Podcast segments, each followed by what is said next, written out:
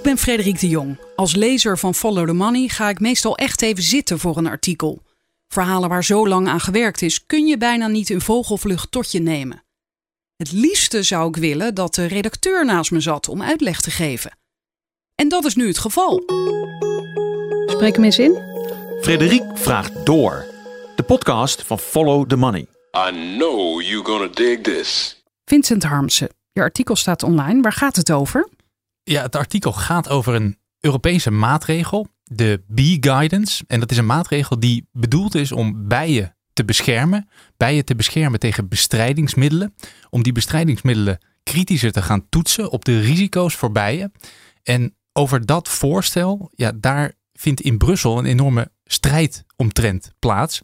Daarover heb ik documenten in handen gekregen waaruit blijkt dat het voorstel achter de schermen wordt afgezwakt.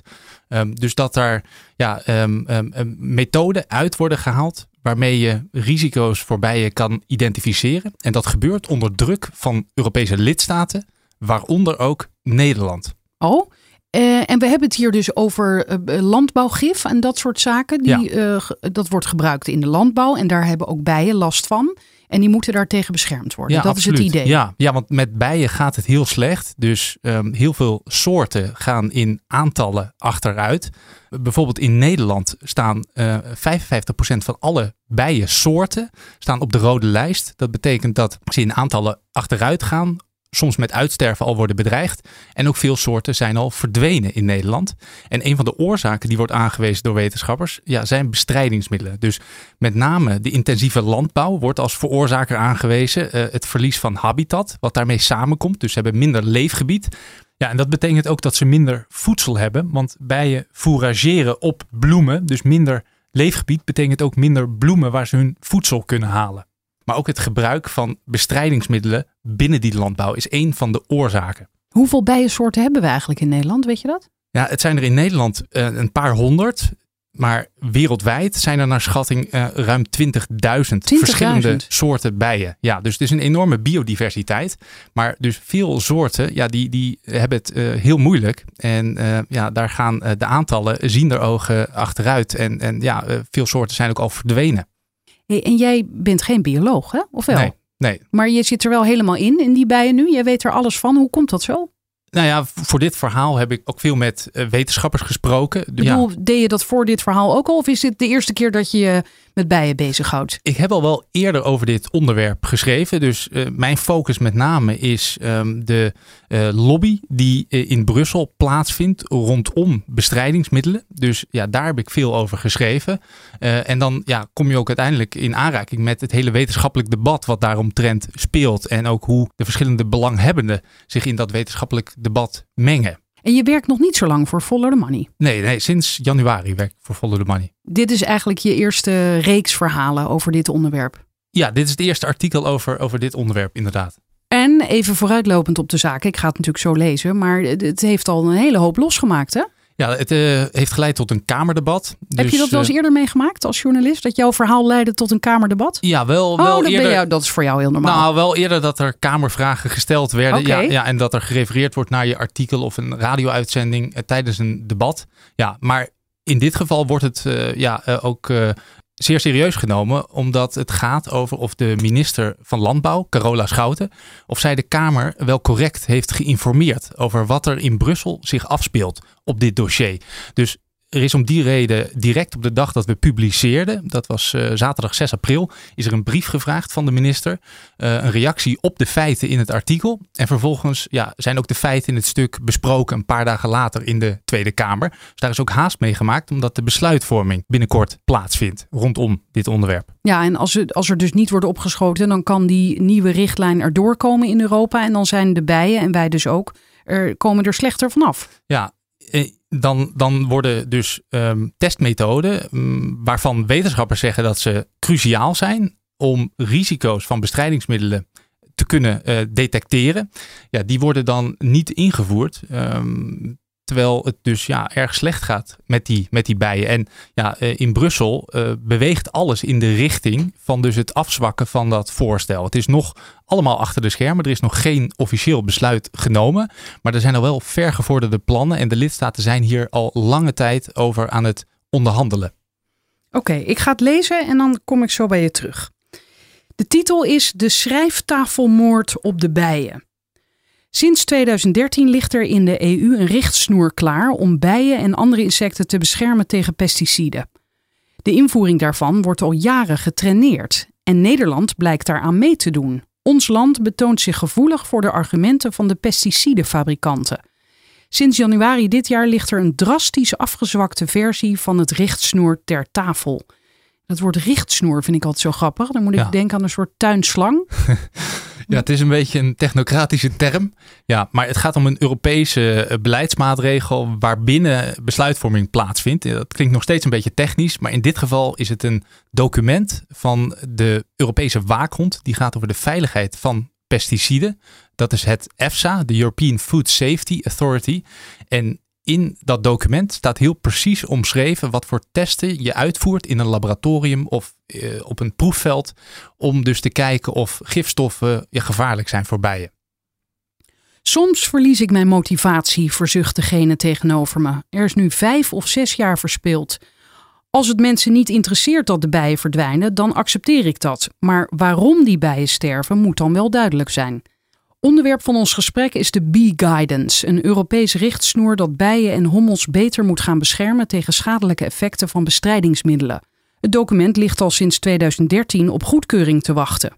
Mijn bron kent het dossier van dichtbij en ziet al jarenlang documenten voorbij komen zonder dat de zaak ook maar een millimeter vooruit komt. Dat maakt mijn bron enigszins wanhopig. Er gebeurt niets en de bijensterfte neemt inmiddels dramatische vormen aan. Vandaar dat de bron me graag vertelt welke belangenstrijd er op de achtergrond speelt. Vanwege de gevoeligheid van het dossier heeft de bron om strikte anonimiteit verzocht. Want anders zou hij of zij bedreigd kunnen worden of zo? Hoe ernstig moet ik dit zien? Ja, het is een gevoelig onderwerp eh, in bestuurskringen waar over eh, de Bee Guidance wordt gesproken. En het is ook een onderwerp wat vertrouwelijk wordt besproken. Dus ja, de onderhandelingen tussen de Europese lidstaten die zijn vertrouwelijk. Dat is achter gesloten deuren in een comité. Maar waarom is dat? Want even Ja, heel simpel ja. als buitenstaander denk ik, dit gaat om onze natuur en dus on- ons leefgebied ook, on- onze toekomst. Waarom, waarom wordt er zo geheimzinnig over gedaan? Nou ja, je bent ook niet de enige die zich daarover verbaast. Vanuit het Europees Parlement bijvoorbeeld is hier ook kritiek op gekomen van dit soort beslissingen over bestrijdingsmiddelen. Ja, die vinden plaats tussen de lidstaten en dat gebeurt in besloten comité's. Het Europees Parlement heeft daar ook van gezegd van ja, dat moet eigenlijk gewoon openbaar worden. Er is geen zwaarwegende reden waarom dat soort besprekingen vertrouwelijk zouden moeten zijn. Maar nu begrijp ik wel waarom dan jouw bron zegt, ja, dan ga ik niet als enige naar buiten komen ermee. Ja. Nou, voor mijn bron is het dus van belang om ehm, anoniem te blijven in deze. Ehm, maar mijn bron vindt het wel van belang dat deze discussie over dit onderwerp, ja, dat die publiek wordt gevoerd. Omdat het een debat inderdaad is, wat jij ook zegt, wat iedereen aangaat. Ja. Het richtsnoer veroorzaakt grote nervositeit, met name in het hartland van de Duitse chemiesector. Denk aan Bayer en BASF. Veel van hun producten zullen van de markt moeten verdwijnen, zegt de bron. De zorgen van de chemiesector vinden weerklank bij een deel van de lidstaten. Vandaar dat er maar niets gebeurt. De tijd dringt echter, benadrukt mijn bron. De bewijzen dat bijen en andere insecten in hoog tempo verdwijnen stapelen zich op. Begin dit jaar publiceerden onderzoekers van de Universiteit van Queensland een overzichtsstudie waarin ze wereldwijde trends samenvatten. Hun conclusie, gebaseerd op gegevens uit 73 verschillende onderzoeken, liegt er niet om. Ruim 40% van alle soorten insecten kampt met grote sterfte. Een derde wordt inmiddels zelfs met uitsterven bedreigd. Ja, we hadden het tot nu toe alleen over de bijen, maar gaat Ja. eh, dat richtsnoer ook over andere insecten of in dit geval echt alleen over bijen? Het gaat ja, over bestuivende insecten, over Oh. bijen eh, en hommels. Oké. Ja, ja, dus specifiek om, om die insecten. En ja, dit is een studie die heeft gekeken naar wereldwijde trends als het gaat om alle insecten. En ja, daar zitten ook veel studies die hebben gekeken naar bijen, zitten daar, zitten daar tussen. En bijen ja, zijn een van de soorten insecten die ook het, eh, het rapst achteruit gaan in aantallen. Die zijn het meest kwetsbaar kennelijk. Ja, dat, Zou dat kunnen? Blijkbaar, ja. Dat, dat zou ik, eh, eh, daar zou ik niet ehm, directe wetenschappelijke onderbouwing bij hebben. Maar ehm, Oké, dat weten we niet. De oorzaken die de onderzoekers in de onderliggende studies vonden zijn teloorgang van leefgebied, habitatverlies wordt dat genoemd, plus vervuiling en vergiftiging. Met name de intensivering van de landbouw is de wortel van het probleem, concluderen ze. Daarbinnen is het meedogenloze gebruik van synthetische pesticiden een grote veroorzaker van recente insectensterfte. Plummeting insect numbers threaten collapse of nature, kopte de Britse The Guardian naar aanleiding van deze studie. De onderzoekers waarschuwen dat drastisch ingrijpen vereist is om een ineenstorting van ecosystemen te voorkomen. De wereld kan immers niet zonder insecten. Ze zijn nodig voor het recyclen van voedingsstoffen in de bodem. Ze dienen als voedsel voor andere diersoorten en zijn onontbeerlijk voor de bestuiving van gewassen. Driekwart van de landbouwgewassen ter wereld is voor bevruchting afhankelijk van insecten, met name van bijen. Datzelfde geldt voor veel wilde planten. De alarmerende krantenkoppen over de insectensterfte klinken door in de bestuurskringen waarin mijn bron zich bevindt. Maar bestrijdingsmiddelen aan banden leggen is een precaire kwestie. Er wordt grote druk gevoeld, zegt de bron. De burgers verwachten dat er iets aan wordt gedaan, maar er is ook een sterke lobby van de agrochemische industrie. Die sector heeft er alle belang bij dat de voorgenomen maatregelen op de lange baan worden geschoven. Drie van de vijf wereldspelers in bestrijdingsmiddelen hebben hun hoofdzetel in Europa: Bayer, BASF en Syngenta. De totale markt voor pesticiden in Europa beloopt naar schatting ruim 12 miljard euro. 12 miljard. Ik Ja. laat dat getal even op me inwerken. Dat is behoorlijk. Zeker, ja, het is een van de ja, industrieën in Europa, de, een van de maakindustrieën in Europa. Dus ja, een heel belangrijke sector ook eh, als het gaat om banen, als het gaat om innovatie.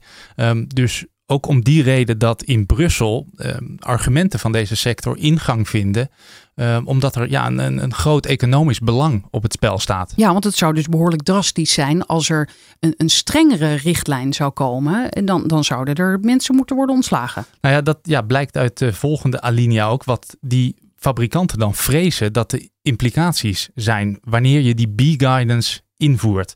Ehm, dus ja, dat, dat komt hier aan bod wat ze dan aan de Europese Commissie schrijven. Wat zij denken dat de effecten kunnen zijn. En dat heb jij dus gelezen in lobbybrieven, zie Ja. ik hier staan. Hè? Ja. Ja. want, want hier staat, uit lobbybrieven die FTM kon inzien, blijkt dat de chemiegiganten vrezen dat het richtsnoer het vrijwel onmogelijk zal maken om bestrijdingsmiddelen toegelaten te krijgen.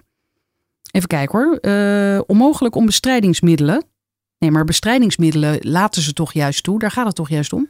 Ehm, dus dat gaat over de toelatingsprocedure in de Europese Unie. Dus wat Oh, die ja, ja, fabrikanten schrijven, ja. is als je ze gaat testen op die risico's voor bijen, volgens die methodiek die is vastgelegd in die B-guidance, ja, dan komen de meeste middelen niet meer door die toelatingsprocedure heen.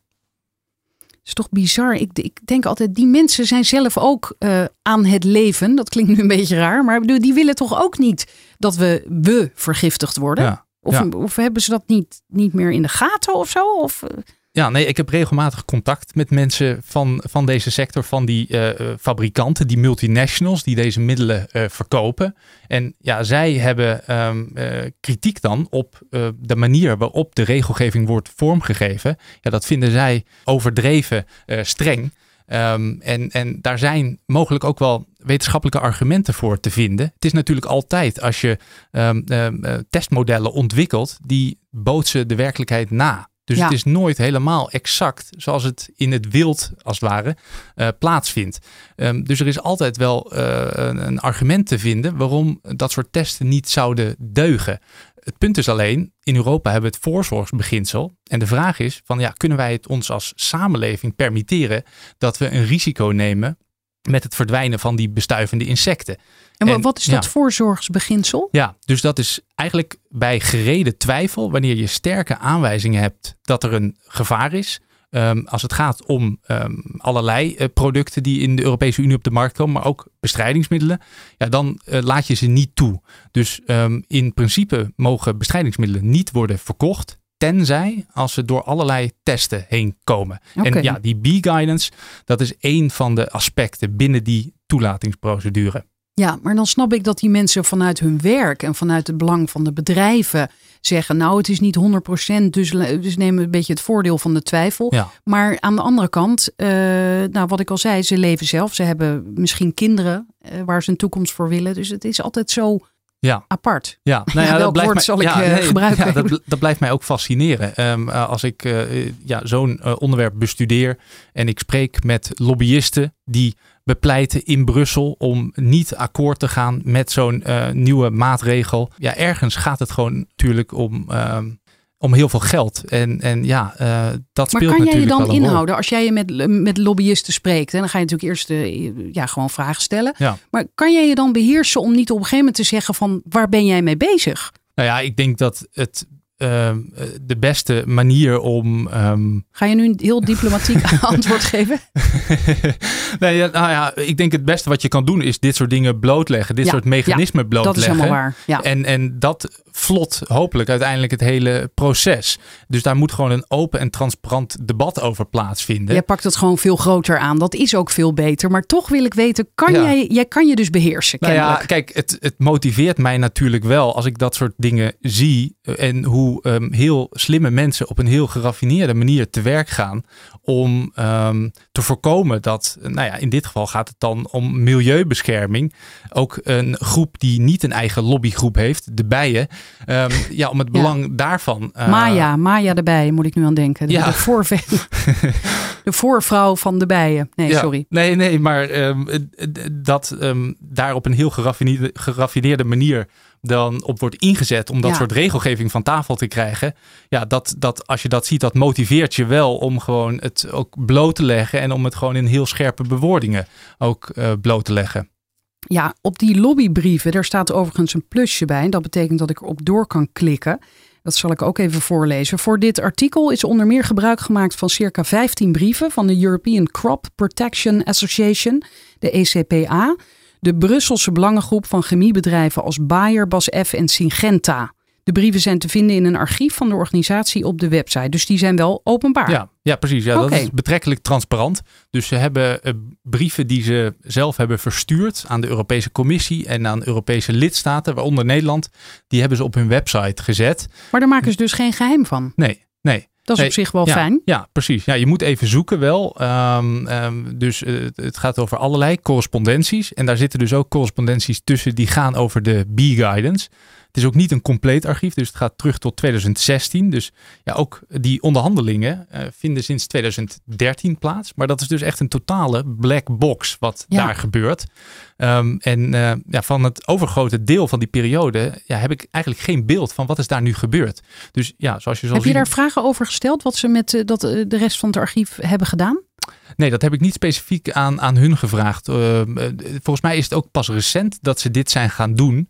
Um, ook omdat het imago van deze sector, ja, dat, dat staat er steeds slechter op. En dit is een, een soort uh, poging om uh, dat imago wat op te poetsen. Waarbij ze dan een ja, transparantieregister um, op hun eigen website hebben geopend. Maar ja, dat, dat gaat dan terug tot, tot 2016. Ja, Blijkens een brandbrief die ze, die lobbyisten, op 16 juni 2017 aan een hoge Europese ambtenaar stuurden, dreigen 51 insecticiden dan strenger te worden gereguleerd. Ook veel onkruidverdelgers, herbiciden en middelen tegen schimmels, fungiciden, zouden van de markt verdwijnen, zo vreest de sector. De B-Guidance is een handleiding voor toezichthoudende instanties in de Europese Unie. Voordat een pesticide op de markt wordt toegelaten, worden eerst op Europees niveau alle werkzame bestanddelen apart onderzocht. Daarna kijken de nationale autoriteiten naar de gemengde eindproducten. In Nederland is dat het College Toelating Gewasbeschermingsmiddelen en Biociden, ja. CTGB. Ja, ja, dus je hebt in de Europese Unie, als het gaat om de toelating van bestrijdingsmiddelen, heb je een enorme keten van, ja, van toetsing. Uh, dus het is een heel uitvoerig systeem. Jaren gaan daar uh, overheen totdat een middel op de markt komt. Waarbij op Europees niveau dan eerst de toxicologen van de European Food Safety Authority, die onderzoeken de losse ingrediënten. Dat noemen zij de actieve stoffen. Die testen ze op allerlei aspecten. Dus impact op milieu en op menselijke gezondheid.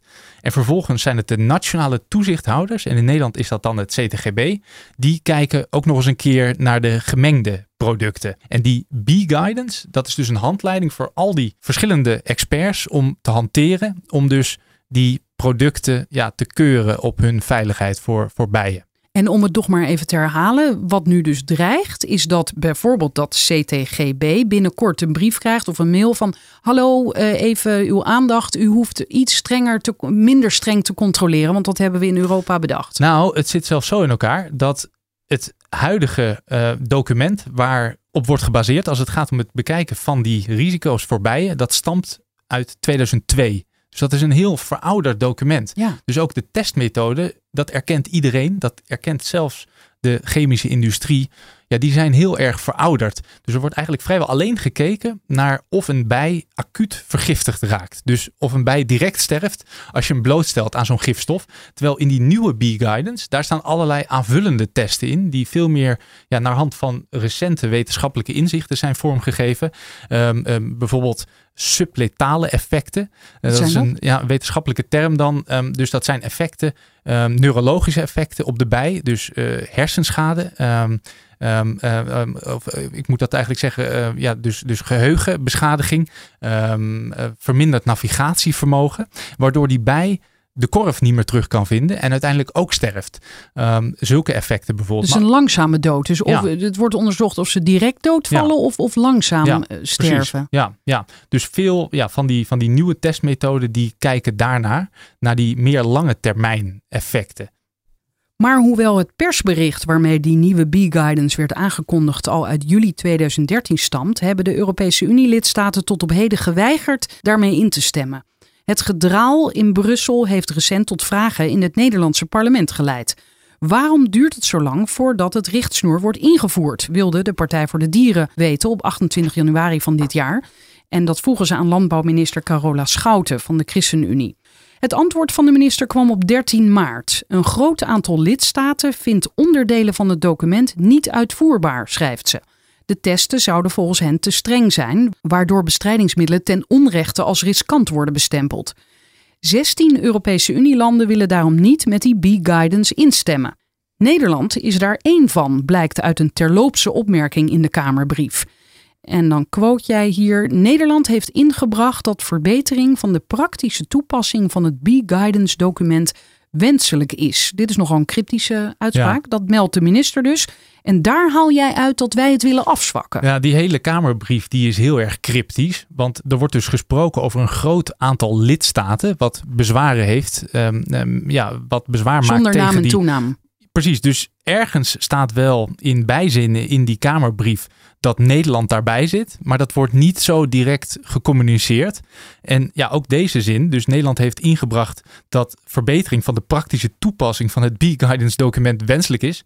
Daarmee wordt eigenlijk gezegd, Nederland wil niet instemmen met die B-guidance en behoort tot die landen die de invoering ervan blokkeert. En ja, dat baseer ik op deze zin, want ja, ik vind het vrij Ja. knap, want ik zit hem ondertussen nog een keer te lezen. Ja. En eigenlijk nu ik er voor de tweede keer naar kijk, begrijp ik hem helemaal niet meer. Ik zal hem nog één keer Ja. lezen. Nederland heeft ingebracht dat verbetering van de praktische toepassing van het B-guidance document wenselijk is. Ja, ja, precies. Ja. Dus de B-guidance moet in praktische toepasbaarheid worden verbeterd. Dat betekent in andere woorden dat de B-guidance zoals die er ligt niet goed is. En dit is het antwoord op de vraag aan de minister. Wat is de Nederlandse positionering geweest Ja. in Brussel? Behoort Nederland tot die club landen die de invoering ervan blokkeert? En dit is daarop het antwoord. Dus daaruit mag je opmaken dat Nederland bij dat clubje hoort. En ja, daarnaast heb ik ook inzage in dus gelekte informatie uit dat comité. Waar dus blijkt dat Nederland bij die groep landen zit. Dus die dingen gecombineerd. Want daar wo- worden alle, namen, eh, alle landen genoemd. Ja, precies. Ja, dus er is Welke een- landen zitten daar dan nog meer bij? Nou, eh, dat zijn met name Oost-Europese landen. Ook het Verenigd Koninkrijk. Ehm, dat zijn de landen die eh, zich eh, verzetten tegen de invoering van die B-guidance. En met name West-Europese landen, eh, Frankrijk, Duitsland, ehm, Denemarken, die hebben aangegeven dat document zo snel mogelijk te willen invoeren. Echt ongelooflijk, schandalig dat wij. Hè, dat, wacht even, ik heb, ik heb er nu geen woorden Ja. meer voor, maar dit, dit- dit is toch te erg gewoon.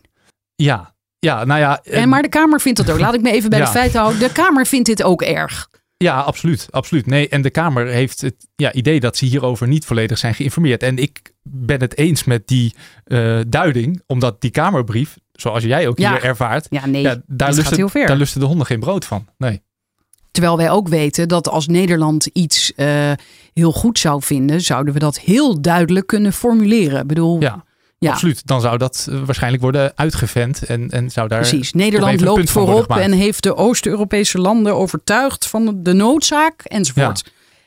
Dat Nederland bij het clubje blokkerende landen hoort is essentiële informatie, want onder druk van deze lidstaten wordt het voorstel nu drastisch aangepast. Dat staat in bedekte termen, ja, zoals je net zei, in hmm. Schoutens Kamerbrief.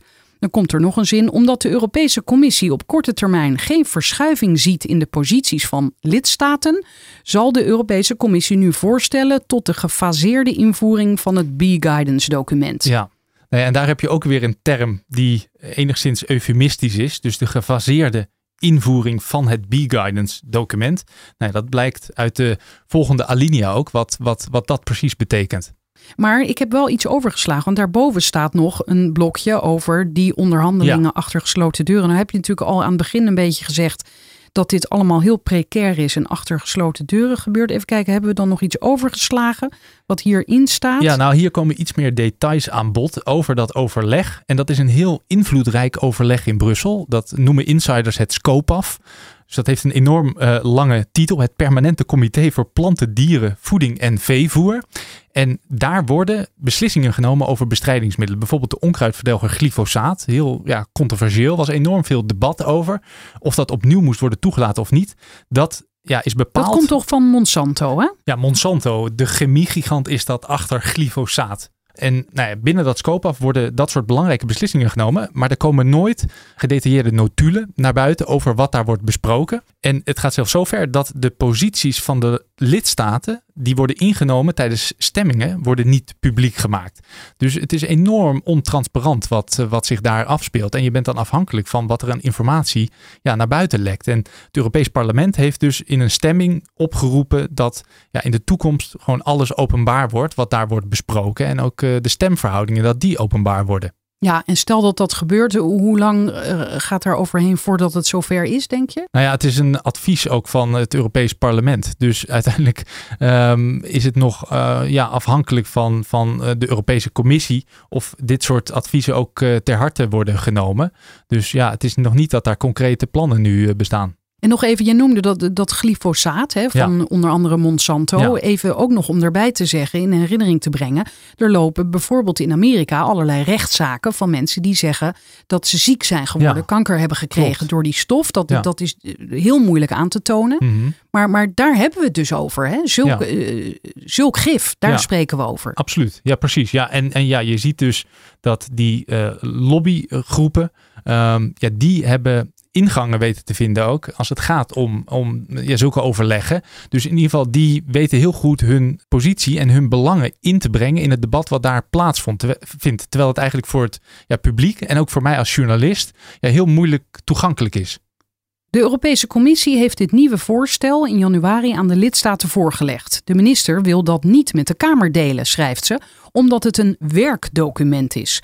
Follow the Money kreeg echter inzage in het vertrouwelijke plan. Terwijl Schouten spreekt over gefaseerde invoering, schrapt de Europese Commissie voor de meeste testcriteria de concrete invoeringsdatum. Ja, ja dus dit is een uh, cruciaal punt. Dus iets wat ook niet in detail met de Tweede Kamer is gedeeld. Um, er wordt dus gesproken over dat voorstel voor gefaseerde invoering, wat de Europese Commissie ter tafel heeft gelegd. En um, ja, daar worden voor de rest geen uh, details over ge gemeld. Um, maar wij kregen dus inzage ja, in dat uh, vertrouwelijke plan. En daar zie je dus dat het merendeel van de testmodellen, ja, dat die op de lange baan worden geschoven. Dat die in een categorie worden gezet waar geen concreet tijdspad meer voor bestaat als het gaat om de invoering. Dus dat gaat zeker nog jaren duren voordat die testen worden ingevoerd. En het zou ook kunnen dat ze helemaal van tafel verdwijnen, want ze worden herzien door de Europese Voedselautoriteit EFSA, die oorspronkelijk ook dit document heeft opgesteld. Dit is nogal schokkend, zegt hoogleraar Milieu- en Gezondheidsrisico's Jeroen van der Sluis van de Universiteit Utrecht, wanneer hij het Europese voorstel onder ogen krijgt. Alles wat aan de hand van de recente stand van de wetenschap aan de B-guidance is toegevoegd, verdwijnt hier weer van tafel. Van der Sluis stelt dat de huidige risicoanalyse in Europa voor bijen hopeloos verouderd is. Zo wordt vrijwel niet getest op chronische toxiciteit, de effecten op de langere termijn. Bij pesticiden kan de giftigheid zich opstapelen. Bijen raken dan niet acuut vergiftigd, maar sterven binnen een paar weken alsnog. Daar moet je specifiek naar kijken. En het gaat dus specifiek, en dat zie je in dat document, dat de test voor chronische toxiciteit, ja, die is dus in die categorie B, zo heet dat in dat document geplaatst. En daarbij staat omschreven dat al die testen worden herzien en dat wanneer die testen zijn herzien, daar ook weer opnieuw een politiek debat over plaatsvindt in dat scope af, in dat ja, uh, comité wat achter gesloten deuren onderhandelt. Dus daarmee is het volledig onzeker geworden of die testen nog ingevoerd gaan worden. Hoeveel mensen zitten daar ongeveer bij? Uh, dat zijn um, de vertegenwoordigers van de lidstaten. Dus er zijn 28 lidstaten. En het is dus ook moeilijk om te achterhalen wie dat precies zijn. Nou, in dit geval weet ik dat het mensen zijn van de nationale toezichthouders. Die kijken naar de veiligheid van bestrijdingsmiddelen. Dus of, daar zit ook iemand bij van die instantie van, die je van net het CTGB. Ja, precies. Ja, ja. Of uh, het kan ook een ambtenaar van uh, het ministerie van Landbouw zijn. Want ja, beide partijen zijn betrokken bij dit dossier. Dus dat is iets wat ook duidelijk is geworden aan de beantwoording die de minister naar de Kamer heeft gestuurd. Dat zowel het CTGB betrokken is bij de positionering, maar ook het ministerie van Landbouw. Dus dat die samen de positie van Nederland hebben bepaald op dit dossier. Maar je bent niet specifiek achter diegene aangegaan die bij dat CTGB werkt? Nee, nee tot op uh, uh, vandaag de dag weet ik niet wie dat ook specifiek is. Want ze hebben geen uh, wie zijn wij op de website? Nee, absoluut niet. Nee, sterker nog, er is gewoon geen informatie over wie daar zitting nemen in die vergaderingen. Dus het is echt heel erg obscuur. Ja. En het is dat het allemaal zo op afstand plaatsvindt in Brussel. Ja, dat er ook niet genoeg druk op zit om dat, om dat nou te hervormen. Ik denk in Nederland zouden we zo'n situatie waarschijnlijk niet accepteren. Dan zou ook de journalistiek zou kritische vragen erover stellen. En, en dan is dat ook niet uit te leggen dat je dat zo doet. Maar ja, in Brussel uh, is dat dan uh, de praktijk, de staande praktijk. En, en ja, is dat ook iets wat niet zomaar verandert. En ieder land kan zich weer achter al die andere landen verschuilen. Van ja, ja. Zo, zo is dat in Precies. Europa. Dan kan je bijna een beetje zo doen van ja, dat vinden wij ook niet zo goed. Maar ja, zo is Precies. het nou eenmaal. Inderdaad, dat zie je ook dat hier gebeurt. En dat is een bekend mechanisme volgens mij. Dat het wordt afgeschoven op Europa. Terwijl het zijn de lidstaten die hier dwars liggen, waaronder Nederland. En de Europese Commissie, die wil met dit dossier vooruit. Dus die wil die B-guidance eigenlijk zo snel mogelijk ingevoerd hebben. Maar omdat die lidstaten dwars liggen, is de Europese Commissie met een compromis gekomen. En dat is echt onder druk van de lidstaten. Dat heeft ook een woordvoerder van de commissie mij verteld. Van ja, wij willen dit invoeren, maar onze handen en voeten zijn gebonden. Die lidstaten, ja, die willen het niet. Maar hebben ze, dus kiezen ze dan maar voor een afgezwakte versie om te voorkomen dat er helemaal niks komt? Ja, ja, precies. Dus dat er in ieder geval een aantal van die testen, dat die wel worden ingevoerd. Dat je daarmee een verbetering hebt in hoe je die pesticiden beoordeelt. En dan ja, voor het merendeel van die testen, dat je dat dan uh, op de lange baan schuift. Ook de niet-dodelijke effecten zijn een blinde vlek. Onderzoek laat zien dat pesticiden het navigatievermogen van bijen kunnen aantasten. Dan verdwalen ze, zegt Van der Sluis, en sterven ze door honger en kou. Een test om dat te detecteren is in het vertrouwelijke voorstel tot nader order uitgesteld. In totaal worden meer dan 20 testen geschrapt. Achter de schermen blijken andere lidstaten, in tegenstelling tot Nederland, zeer kritisch te zijn over de ontwikkeling van het dossier. Geen van die landen wilde on the record praten, maar FTM kon de hand leggen op correspondentie tussen een aantal EU-lidstaten en de milieuambtenaar van de commissie die aan dat voorstel werkt. Zo is de vertegenwoordiger van Oostenrijk het geschagger meer dan beu. Hij merkt op dat de herhaalde vertraging van de B-guidance moet stoppen en dat het richtsnoer van 2013 de best beschikbare wetenschappelijke methode beschrijft om de risico's voor bijen te beoordelen. Ja, dus daar zie je dat er oneenigheid bestaat onder de lidstaten. Dus waar minister Schouten het presenteert als van er zijn feitelijk gebreken aan die uh, uh, ja, richtsnoer, aan dat richtsnoer. Um, hebben andere lidstaten de opvatting dat het juist het beste document is om die risico's te beoordelen. En dat daar helemaal niks mis mee is. En dat dat ja, zo snel mogelijk zou moeten worden ingevoerd. Dus dat geeft ook weer een ander beeld dan ja, wat de Tweede Kamer te horen heeft gekregen. Nou, en jij schrijft hier ook bij de e-mails die FTM kon inzien, zit ook het commentaar van Nederland. Ja. Wat blijkt, Nederland wil juist nog meer veiligheidstesten uit het Europese richtsnoer schrappen. En dan is hier een quote. NL waardeert dat het gewijzigde implementatieplan nu ruimte biedt voor de invoering van de minder controversiële onderdelen van de nieuwe GD Guidance Document en dat er een update gaat komen voor de problematische onderdelen, schrijft de geanonimiseerde Nederlandse ambtenaar.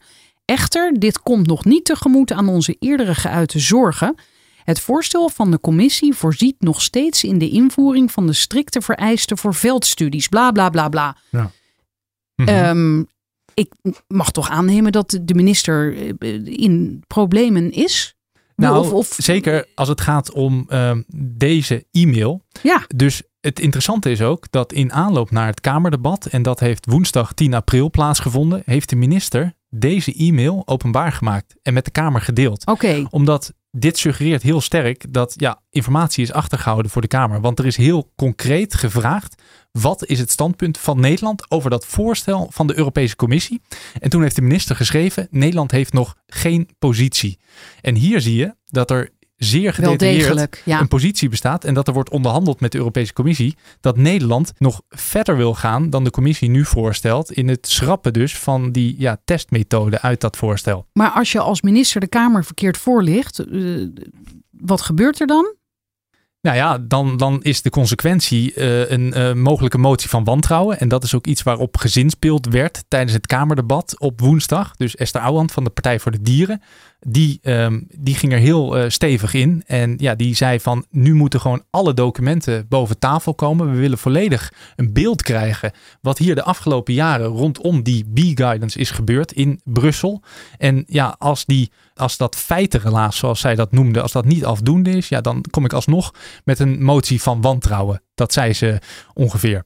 Dus eh, dat zei ze ja, in iets eh, minder directe bewoordingen. Maar dan zei ze, de vertrouwensvraag ligt dan voor mij op tafel. Nou, dat, dat betekent volgens mij uiteindelijk een, een mogelijke motie van wantrouwen. Waarom verzet Nederland zich tegen invoering van die B-guidance? Volgens de Kamerbrief van de minister is dat omdat het richtsnoer onvoldoende werkbaar is. De normen zijn te streng, conservatief geformuleerd. Mijn bron, die de technische aspecten van het dossier terdege kent, zegt dat dat smoesjes zijn. Het probleem is politieke wil. Er wordt achter de coulissen op nationaal en Europees niveau druk uitgeoefend door de agro-industrie, zegt de bron, door de belangengroepen van de agrarische sector en de Europese chemiesector. Ja. ja, wat mijn bron dus zegt is van, kijk, er wordt nu vijf à zes jaar onderhandeld over dit voorstel. Als testmethoden niet zouden deugen, dan verbeter je ze. Er wordt ook gezegd dat sommige internationaal erkende testprotocollen nog ontbreken. Dus dat er nog niet een eh, goede opzet is voor hoe je bepaalde onderzoeken moet doen. Maar mijn bron, ja, wat, wat mijn bron zegt, is dus dat als testmethoden ehm, niet goed zouden zijn, wordt nu vijf à zes jaar onderhandeld. Ja, dan kan je gewoon met betere testmethoden op de proppen komen. Het is een kwestie van politieke onwil dat dat niet gebeurt. Dat dat zo lang nu voortsleept. Opvallend is dat Nederland in de vertrouwelijke correspondentie met name pleit voor het schrappen van veldstudies. Precies datzelfde pleidooi staat in een lobbybrief die de Nederlandse vertegenwoordigers in Brussel op 15 januari van dit jaar kregen van de European Crop Protection Association, die ECPA. Dat is de belangenorganisatie van de fabrikanten, waaronder Bayer, BASF en Syngenta.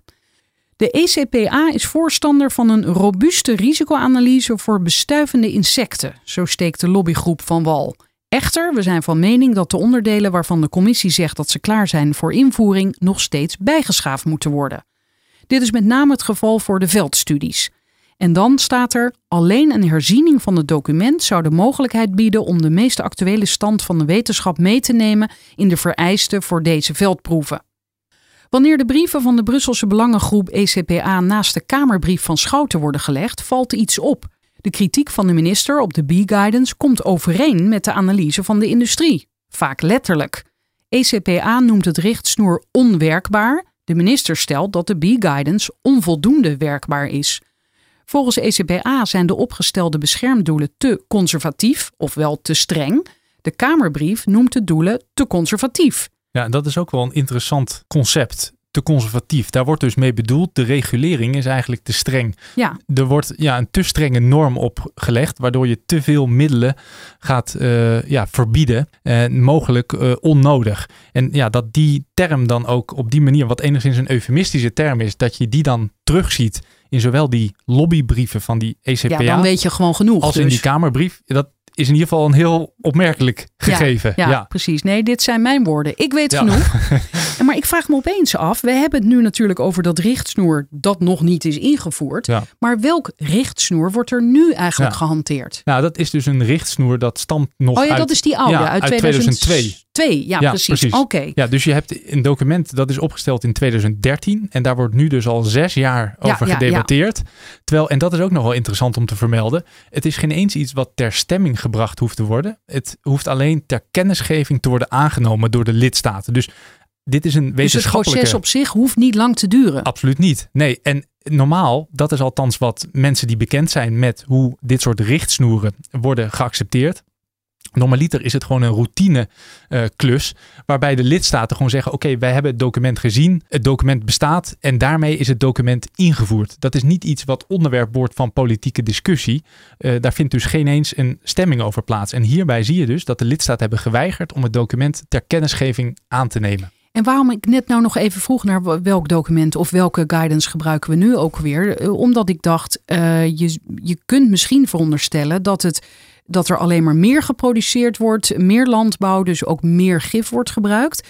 Dus dan is het helemaal bizar als je bedenkt dat je de, richt, de bestaande richtlijn wil afzwakken. Je zou eerder moeten zeggen, hij moet dubbel zo streng worden Ja, om nou, de bijen te beschermen. in principe is het wel een eh, aanscherping van die bestaande regels. Dus dat richtsnoer uit 2002, dat... ehm, Ja, dat moet Ja. op papier strenger worden, maar Ja. daar verzet Nederland zich onder andere tegen. ja, klopt, Toch? Klopt. Maar alsnog, ook de onderdelen die dan eh, wel worden ingevoerd, dat is alsnog een verbetering wel met de oude situatie. Ook al wordt het maar eh, op halve kracht ingevoerd, zo precies. gezegd. Maar dat zegt misschien meer iets over de huidige situatie, dat die ja, heel veel ehm, schadelijke effecten van pesticiden over het hoofd ziet, Ja. dan dat het nu zo'n grote stap zou zijn die wordt gezet. Ja, we zaten dus bij de overeenkomsten tussen de brieven van de belangengroep en de brief van de minister. Ja. Eh, tot slot zeg jij dan, ECBA stelt dat het document uit 2013 niet meer gebaseerd is op de meest recentelijke wetenschappelijke kennis. En de minister laat weten, verder is de afgelopen jaren nieuwe wetenschappelijke informatie beschikbaar gekomen, die in het E EFSA B-guidance document moet worden verwerkt. Ja, ja, dus je ziet dat de vertraging van het dossier wordt nu een argument om eigenlijk het nog meer op de lange baan te schuiven. Is de kritiek van de minister wellicht geschoeid op de leest van de lobby? Nee, antwoordt een woordvoerder stellig. De analyse in de Kamerbrief over de B-guidance is gebaseerd op adviezen van het CTGB. Kan Follow the Money deze adviezen inzien? Nee, luidt ook daarop het antwoord. Die adviezen zijn nog niet openbaar. Met andere woorden, ze zijn vertrouwelijk. Ja. Nou, ik heb het ook echt enorm aan de stok gehad met de woordvoerder van minister Schouten. Want ik vind het als journalist een schandalige situatie dat we hier te maken hebben dus met een geheim overleg. eh, waar dus een standpunt wordt ingebracht waar we geen weet van mogen nemen. Althans niet via openbare bronnen.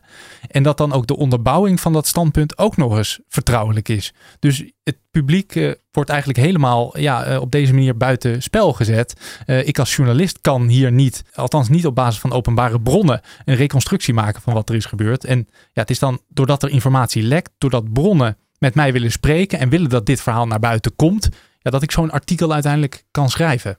Kwam jij die bron eh, in jouw zoektocht tegen? Kwam, kwam hij of zij op jouw pad of, of eh, ben je benaderd? Het is eigenlijk geweest gaandeweg het onderzoek. Dus ja, je spreekt met eh, betrokkenen, mensen die rondom dit proces zich begeven. En ja, zodoende kom je uiteindelijk met, ehm, met, ja, met, met een bron in contact. Ja. Maar zonder deze bron had je dit verhaal helemaal niet kunnen schrijven. Nee, dit verhaal is volledig afhankelijk van wat ja. eh, mensen die het eh, dossier van dichtbij kennen naar buiten hebben willen brengen. Ja. En heeft dan bijvoorbeeld zo'n woordvoerder van de minister eh, zitten vissen naar wie is je bron? Nou, dat was wel even ehm, toen ik in de Tweede Kamer was. Dus om een follow-up te schrijven op dit verhaal. Dat ik ook sprak met een andere woordvoerder, was dat van de minister. En die ja, zinspeelde wel even op van ja, de bron die ik dan had gebruikt. En dat hij toch al nieuwsgierig was. ehm, Ja, dat snap ik. Wie, wie daar dan eh, ja, eh, met mij heeft gesproken. Ja, dus eh, ja. Want als ze die naam zouden weten, dan. Nou, ik weet niet of de woordvoerders dat zouden doen. Maar dan zouden er ook nog mensen zijn die zo iemand kalt willen stellen. Nou ja, ik denk wel dat dat consequenties heeft. Want in principe, ja, het gaat om vertrouwelijke documenten Ja. ook. Dus als je die eh, lekt, ja, dan, dan heb je wel ehm, iets te verantwoorden. Niet alleen in Brussel is Nederland door de lobby benaderd. Die klopte ook bij het Haagse ministerie aan. Dat gebeurde al vroeg in het proces, in de zomer van 2014. De directe gevolgen van het doorgaan met het huidige voorstel zijn naar ons oordeel groot, schreef Nefeto. Nefeto? En Nefito? Nefito. De belangengroep van de pesticidenfabrikanten in Nederland. Ja. En dat schreven ze op 24 juni van dat jaar. De brief werd verstuurd aan toenmalig staatssecretaris Sharon Dijksma van Economische Zaken en waarschuwde voor de specifieke gevolgen voor ons land. En dan komt er een quote. Concreet betekent dit dat de land- en tuinbouw zal worden geconfronteerd met een sterk uitgedund middelenpakket, meldde Nefito. De continuïteit van teelte zal hierdoor onder druk komen te staan. De land- en tuinbouw als belangrijke pijler onder onze economie zal ernstig worden geschaad. Ja, en op zich is dat opmerkelijk ehm, dat dus de fabrikanten van bestrijdingsmiddelen, die schermen niet met hun eigen belang, maar ze beschermen met het belang van de boer en van de, van de landbouw. Omdat dat natuurlijk Hun ook iets is. klanten. Ja, absoluut. Ja, en dat dat ook een argument is waar politici gevoelig voor zijn. Ehm, de ja, eh, belangen van pesticidenfabrikanten liggen misschien minder goed dan de belangen van de boer. Eh, Boeren hebben het toch ook al eh, in het algemeen moeilijk. En ehm, ja, dat is iets. Politici willen die positie ehm, graag beschermen. Heb je eigenlijk eh, Sharon Dijksma ook benaderd? Nee, nee, dat heb ik eh, niet gedaan tot heden. Die zal dan waarschijnlijk zeggen: Ik doe geen uitspraken over het dossier van mijn opvolger. Ja, Opvolgster. kan heel goed. Ja, Maar het kan ook zijn dat ze nu eindelijk dat ze in ieder geval wel iets wil vertellen over al die ge- geheimzinnigheid rond dit eh, dossier. ja dat zou kunnen. En ja. ze is ook van een andere partij, dus misschien is Ja. dat nog een. ja, ja, misschien een engel inderdaad. Eh, hier schrijf je ook, ook land- en tuinbouworganisatie LTO heeft met het ministerie van Landbouw over die B-guidance gesproken. Dat meldt een woordvoerder. Ja, Wij ja, hebben- ja. Ja, ik heb ook ontzettend zitten touwtrekken met eh, een woordvoerder van LTO. Dus in eerste instantie werd er erkend, ja, we hebben over de B-guidance gesproken met het ministerie van Landbouw. En toen heb ik gevraagd van oh, op welk moment is er dan over gesproken en nou, wat is dan precies ingebracht.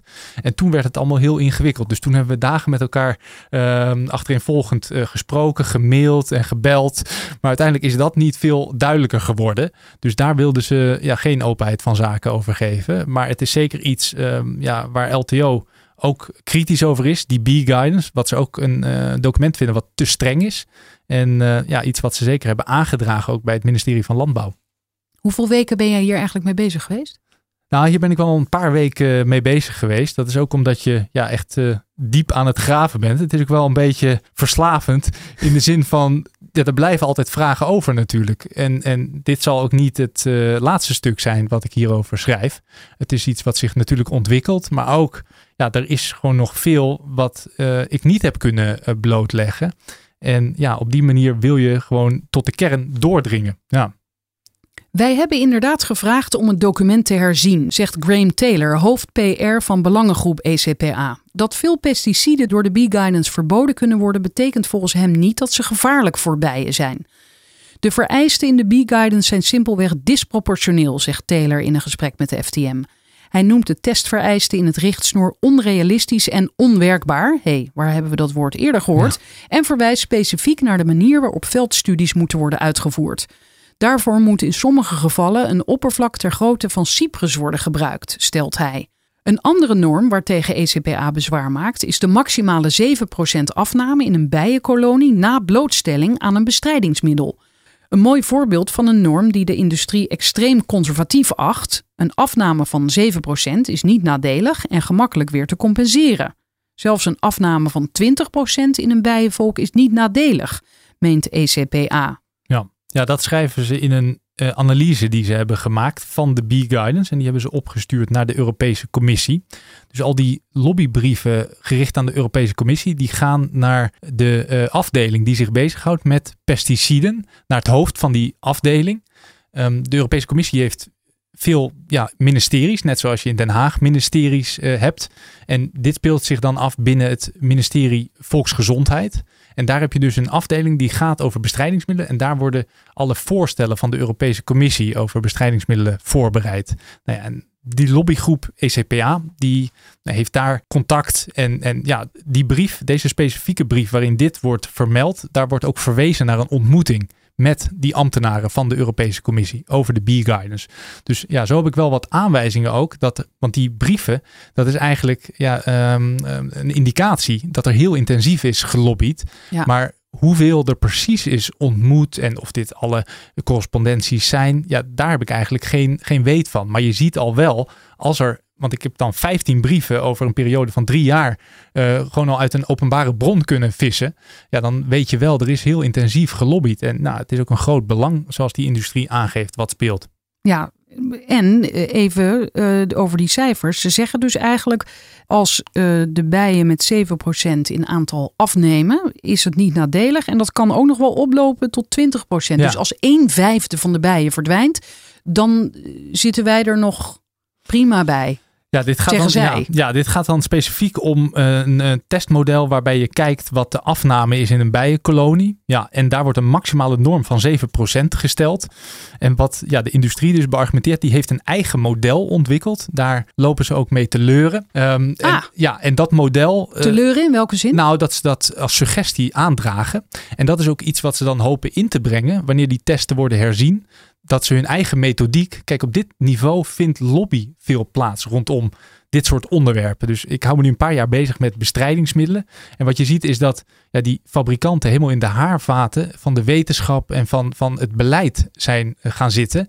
En zich dus bezighouden met de testmodellen uh, waarmee risico's voor ja, milieu en nou, hier gaat het dan over bijen of volksgezondheid worden geïdentificeerd. Dus dat is ja, een heel uh, subtiele manier van lobby die ook heel moeilijk bloot te leggen valt. Maar hier heb je een heel expliciet ja, voorbeeld daarvan. En dan stel jij hier de vraag: maakt de sector zich dan geen zorgen om de bijensterfte? Het is een ontzettend grote zorg, zegt Taylor. Ja. Maar hij betwist de rol van pesticiden daarin. Er moet ook naar andere factoren worden gekeken. Ja.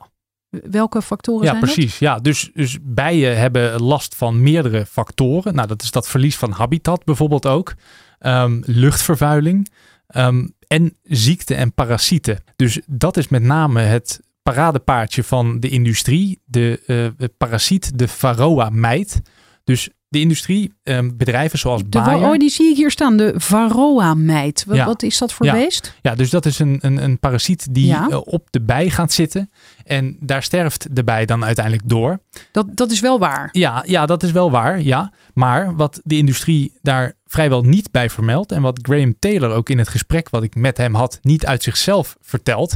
Is dat alleen de honingbij, en dat is een door de mens gehouden bij, last heeft van die Mm. varroa-mijt. Maar er zijn dus wereldwijd, naar schatting, 20.000 soorten wilde bijen die in aantallen sterk achteruit gaan. Wat wordt gelinkt aan die pesticiden. Ehm, en ja, daar speelt die varroa dus geen rol bij. En ja, je ziet in de hele PR van deze sector dat ze zich richten op die varroa-mijt. Heel veel onderzoek ook financieren naar hoe die varroa kan worden bestreden. En ja, dat leidt op die manier af van hun producten die schadelijk zijn.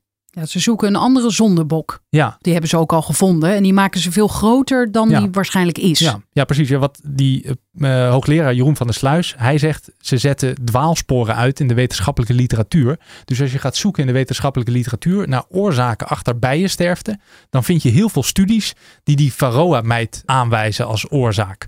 Terwijl het dus maar een deel van het probleem is. En er ook bewijzen zijn dat bestrijdingsmiddelen bijen meer gevoelig maken voor die varroa, meer vatbaar maken voor ziekte en parasieten. Dus het is ook nog geen eens als het gaat om de honingbij het hele verhaal.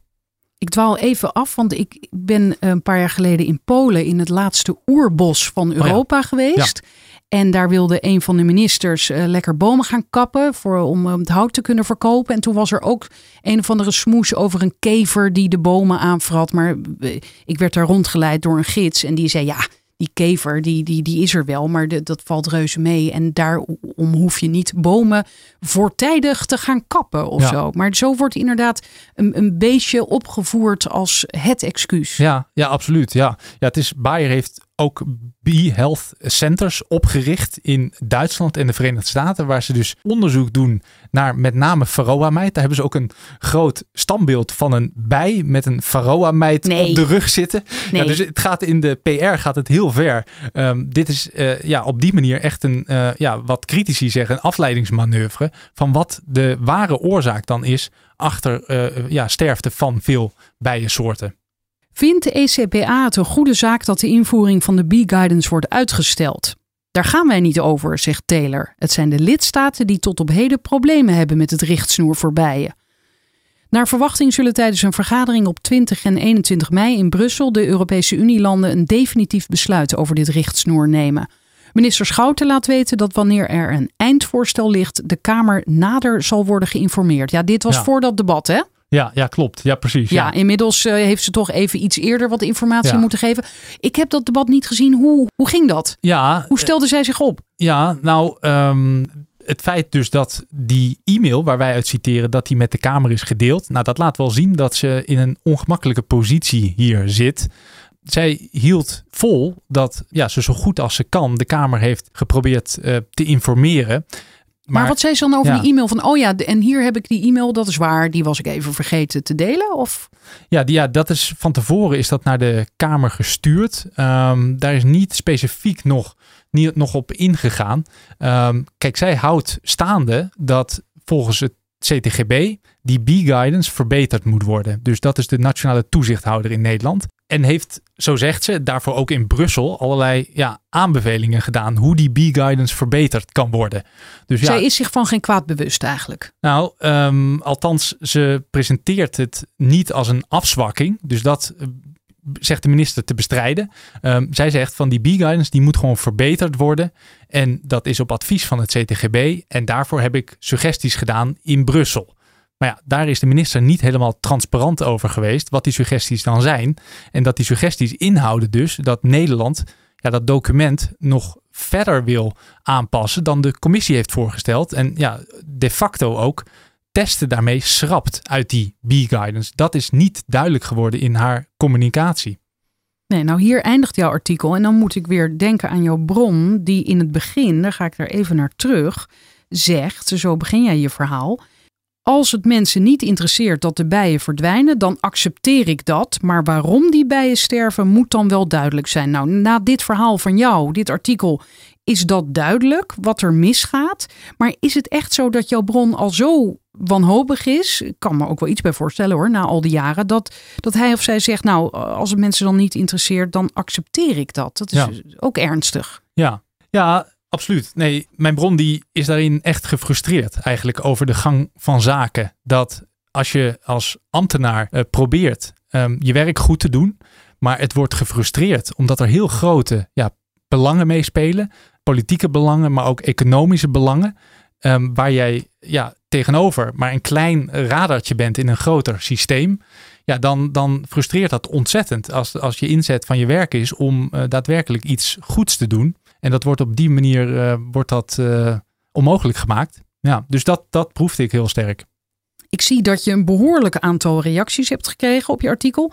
146 op Ja. dit moment. Hoe zijn die reacties? Nou, je merkt vooral dat mensen echt heel erg ehm, emotioneel zijn eigenlijk over dit onderwerp. Dus, dus als het gaat om ja, het verdwijnen van bijen en ook het feit dat daar omtrent wordt gelobbyd, dat gegeven aan zich al, dat, dat mensen dat, eh, ja, ehm, dat mensen daar heel fel over zijn. En, heel, Ja, en heel ik heb dan nog een extra eh, gedachte erbij. Dat maakt mij nu ook boos inmiddels. Ja.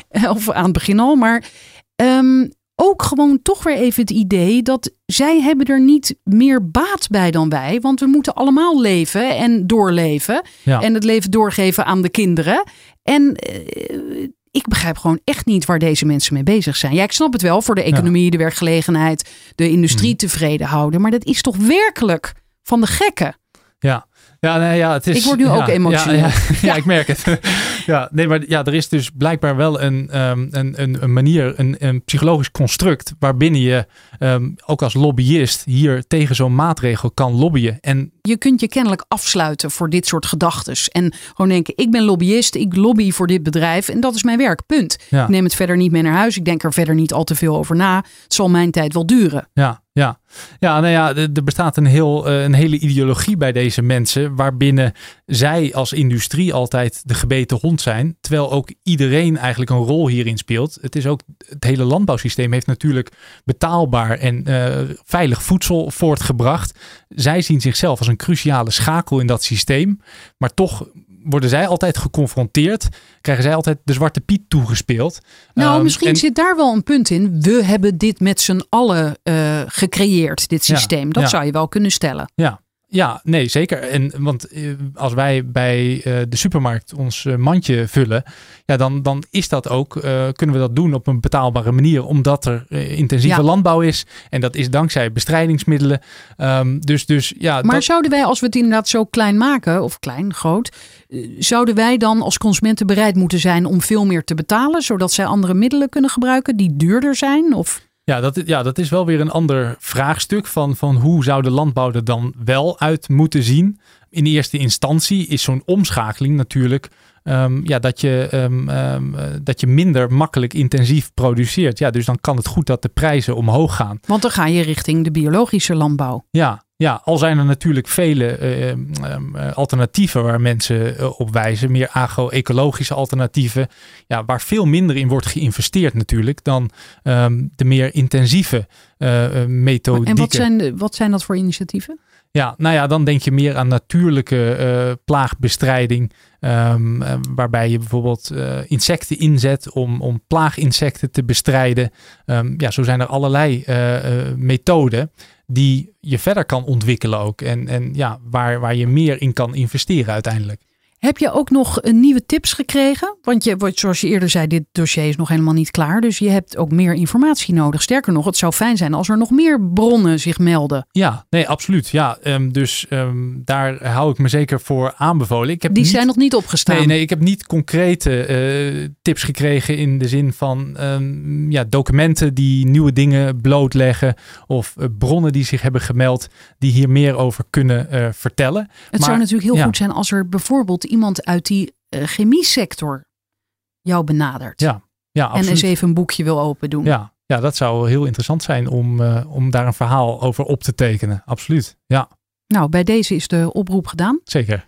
Dankjewel. Ja, graag gedaan. Wil je weten wanneer een nieuwe aflevering online staat? Schrijf je in voor mijn nieuwsbrief. Die vind je bij ftm.nl slash Frederiek.